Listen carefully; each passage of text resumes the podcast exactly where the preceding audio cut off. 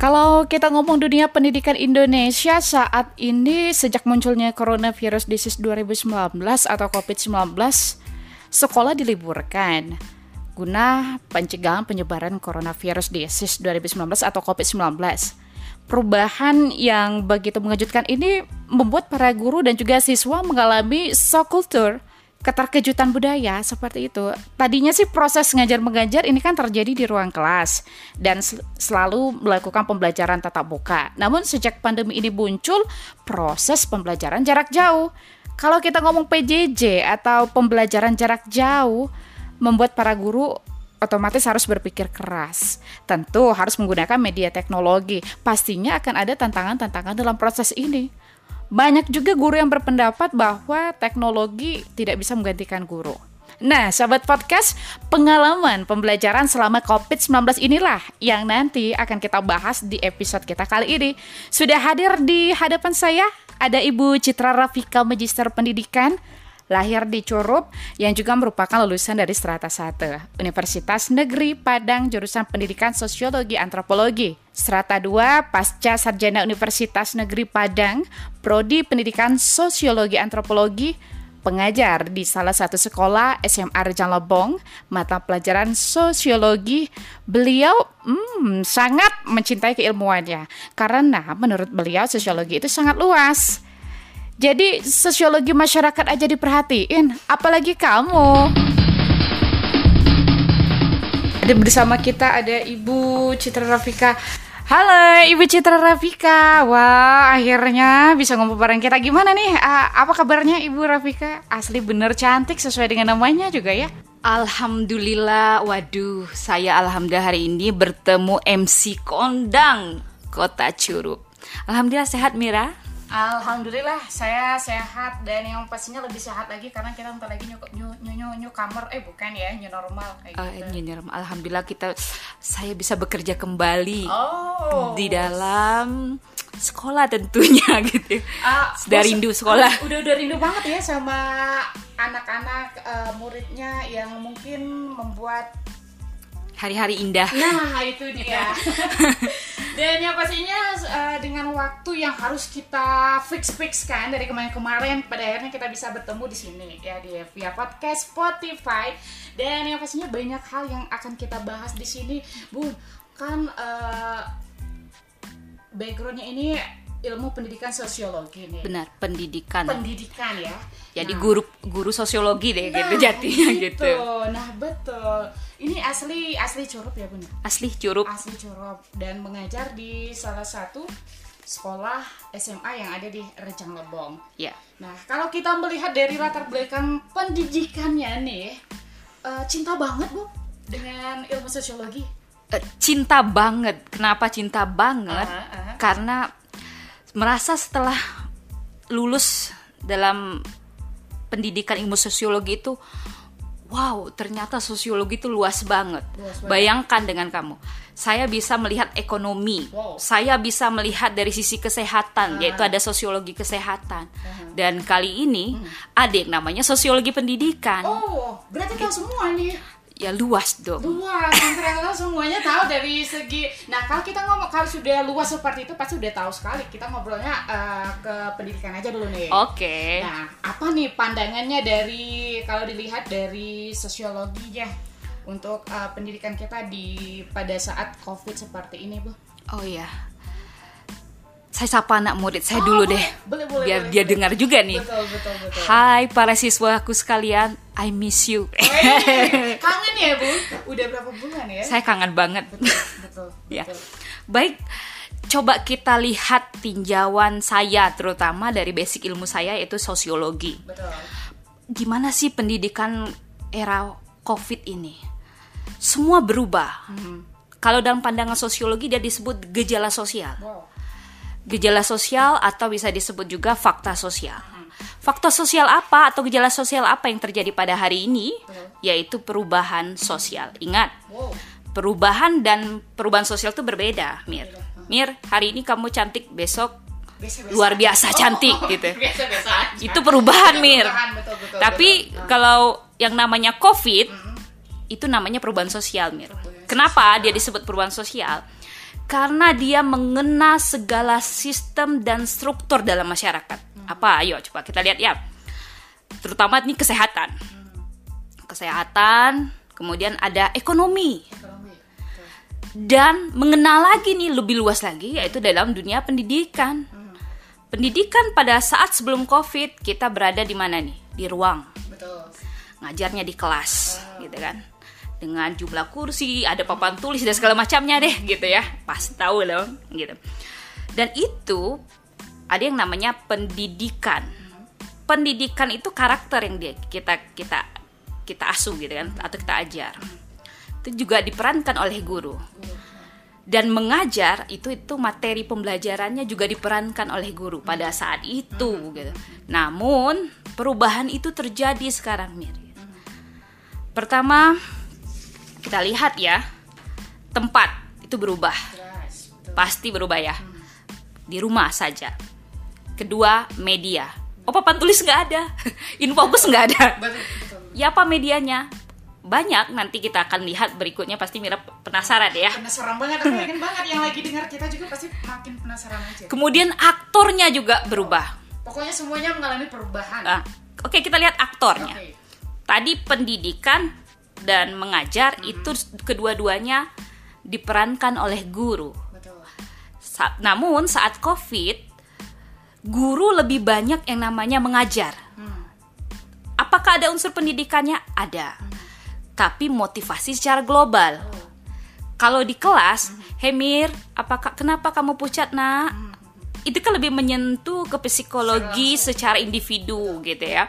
Jadi, oh kenapa rambutmu panjang? Oh kenapa sepatumu ini semua diperhatikan dengan guru pada saat itu. Itu mendidik gitu ya. Sampai sholat pun, halo nak sholat kita jam segini ini ada waktunya kan. Tapi sekarang peran itu please orang tua juga akhirnya. Wow. Gitu. Jadi jadi apa yang dirasakan sama uh, guru ya pada saat proses pembelajaran ini hampir rata-rata semua dirasakan. Ya. Sama semua dirasakan. Itu akhirnya dirasakan juga sama Orang uh, tua. Apa yang dirasakan sama uh, ibu? eh, ibunya atau tantenya gitu. meskipun saya basicnya guru gitu Betul, betul, betul. luar biasa ya Berarti ternyata juga. Iya. Basicnya guru Iya. dibawa ke, ke rumah lagi. luar biasa itu Oh. mengajar mendidik ya bukan Ah, ah. mengajar ya kalau mengajar mungkin bisa gitu ya mendidik itu mendisiplinkan waktunya seperti layaknya pergi sekolah mandi bangun harus pagi gitu iya kan Ah. karena sekolah diliburkan Iya. pembelajaran di rumah Betul. tapi waktu itu memanajemennya susah Wow. itu yang buat Oh, orang basic- tua pada Betul. darah tinggi nanti itu itu orang tua ini yang udah memang basicnya guru aja mengalami tantangan luar biasa benar seperti itu. sekali Berarti perbedaannya luar eh, benar-benar berbeza banget. shock culture itu Betul, betul, betul. Dan dan yang pastinya kalau agar lebih mudah lagi seperti itu untuk orang tua untuk proses eh, pembelajarannya ya. di rumah seperti itu. pembelajaran di rumah artinya kita tidak bisa memberikan tips ya kadang gini.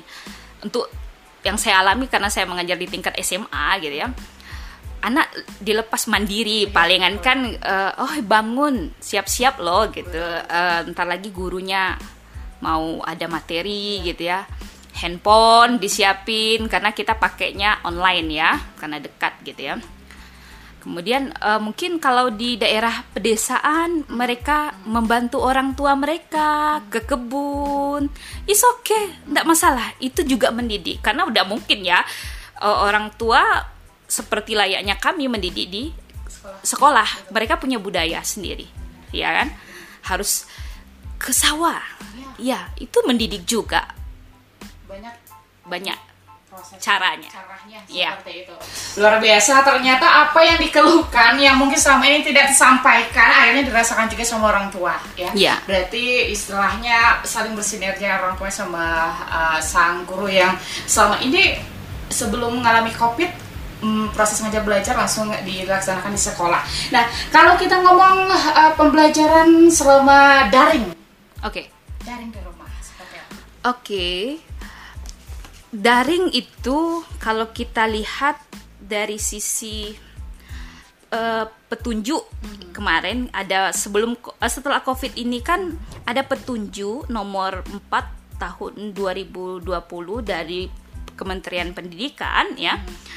Itu ada tiga poin penting mengenai pembelajaran selama covid satu Pembelajaran dilakukan daring dengan memberikan pembelajaran bermakna, inovatif, tidak membebani tuntutan yang hanya berorientasi nilai. Kedua, pemberian tugas upayakan lebih kepada pengembangan kecakapan hidup.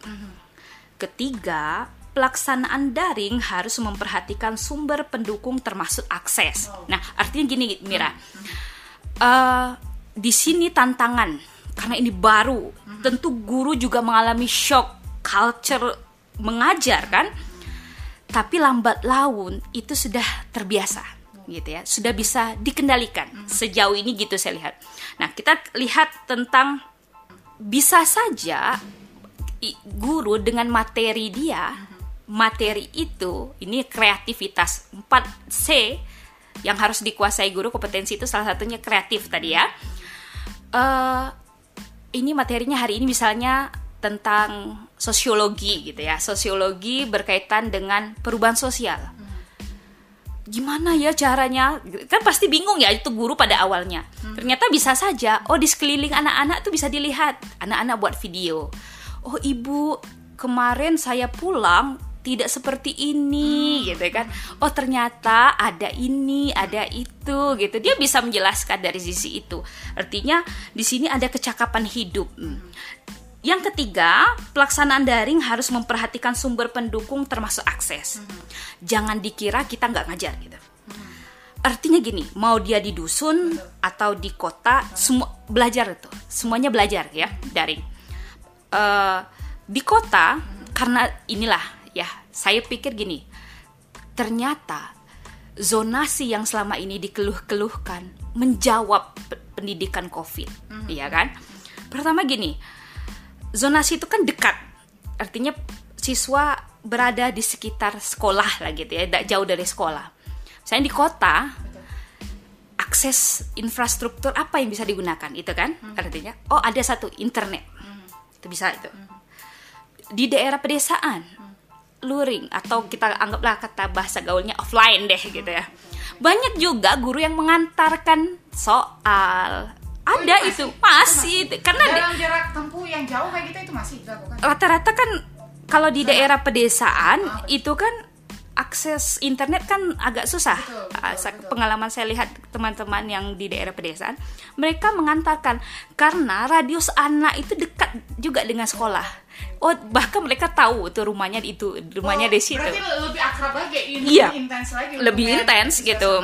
Bahkan gini juga sih kayak di perkotaan eh hari ini kenapa dia tidak ada yang dicek itu. Uh -huh kadang dia didatangi, ditelepon dengan guru gitu, saking intens ya apa artinya gini zonasi itu mm-hmm. sudah menjawab ini pendidikan ini. Bisa ternyata mampu. Tantangan ini bisa dilalui ya? mm pertahanan pendidikan Indonesia ternyata tidak roboh.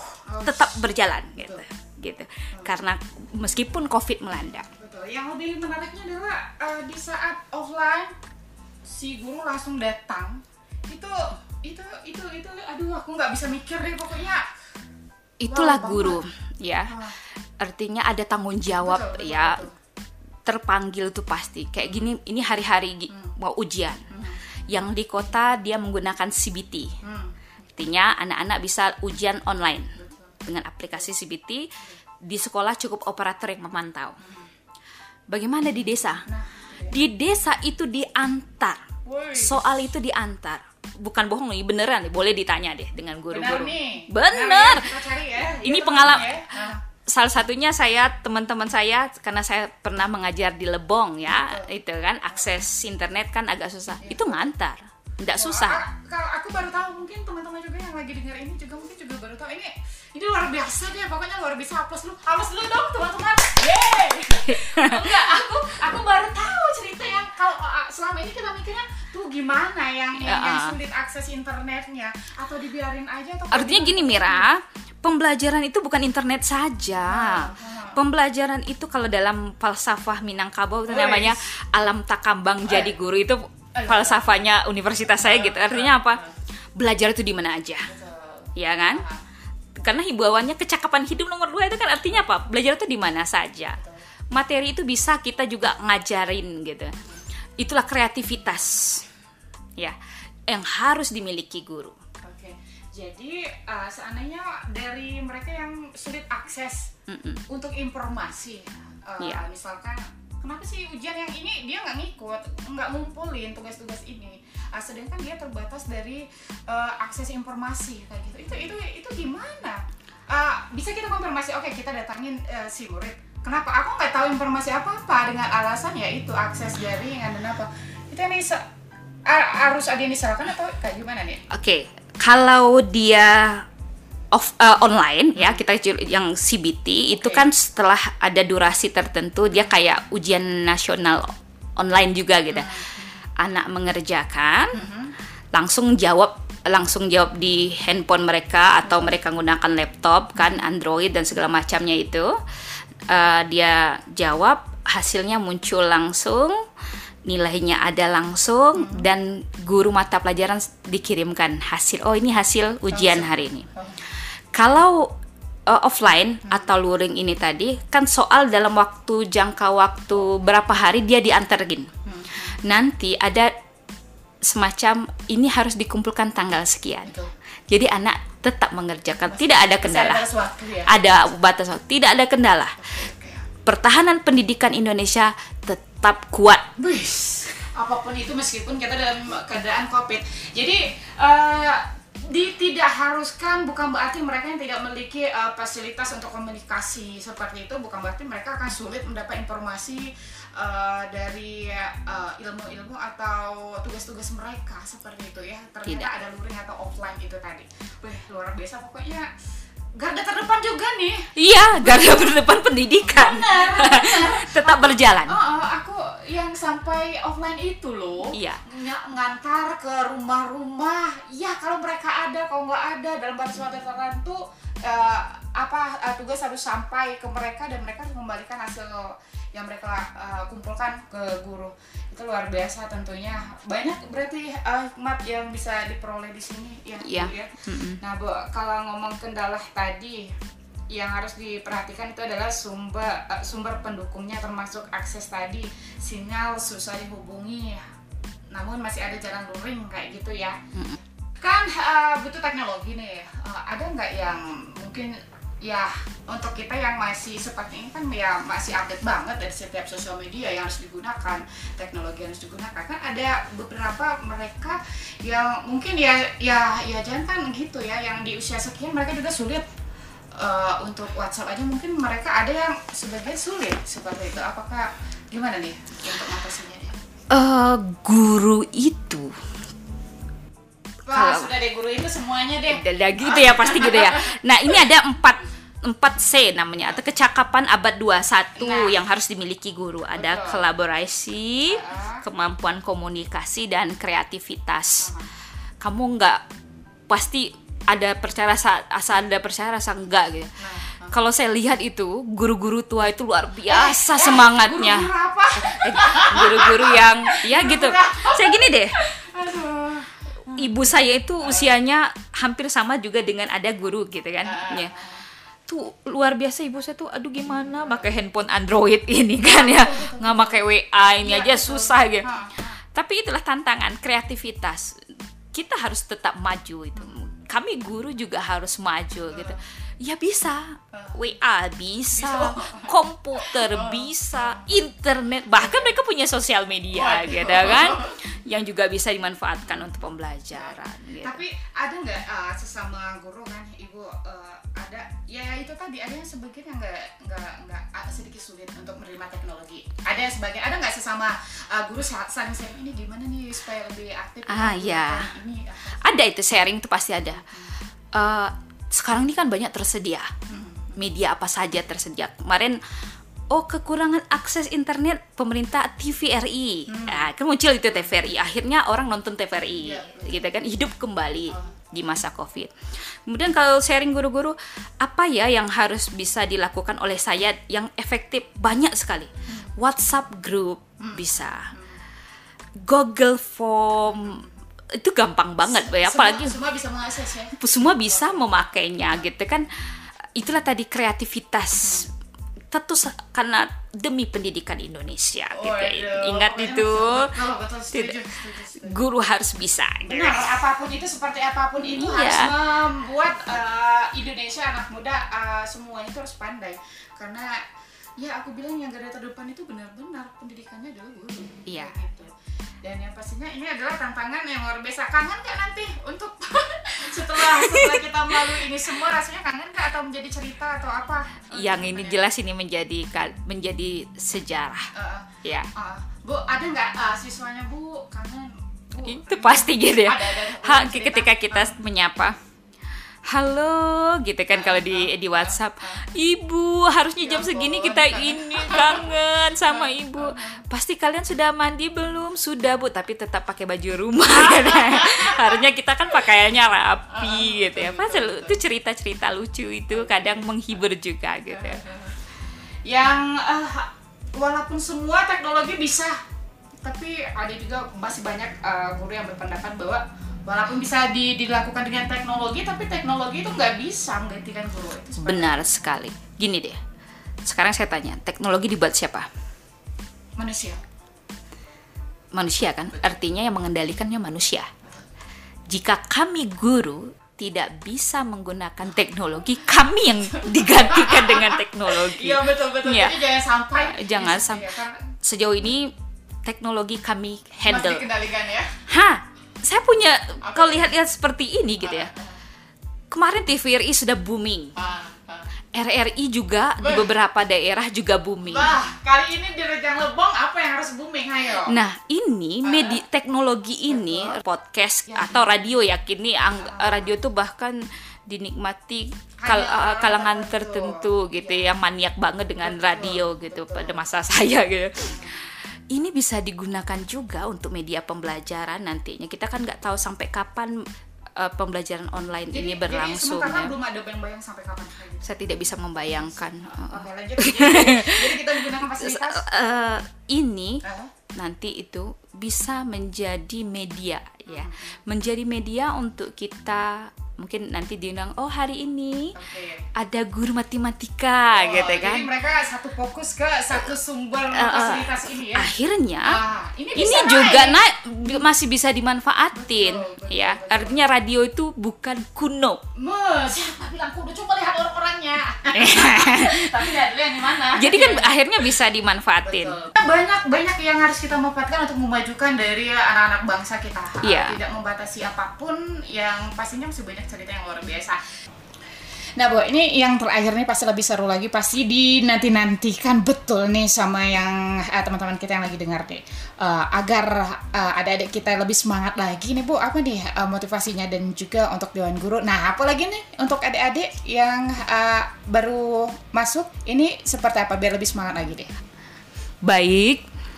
Biar lebih semangat, buat anak-anakku sekalian, meskipun hari ini kita LDR, Ibu yakin pandemi ini kita bisa lalui karena kalian generasi yang tangguh. Tetap semangat meskipun tetap belajar di rumah saja nantinya.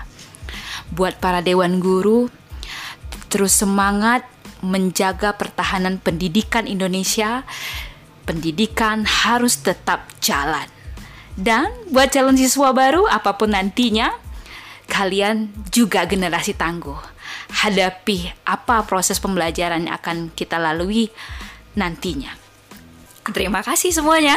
Wow, luar biasa. Terima kasih untuk semuanya. Mudah-mudahan Dewan Guru, adik-adik kita yang calon siswa baru, dan juga yang saat ini masih tetap proses belajar di rumah, tetap semangat tidak ada batasan untuk belajar kapan pun dan di mana pun. Pokoknya tetap semangat untuk adik-adik kita yang ada di Rejang Leveng.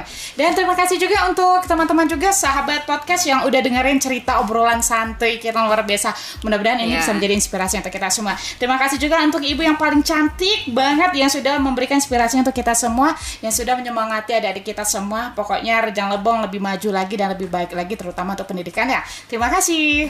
Terima kasih.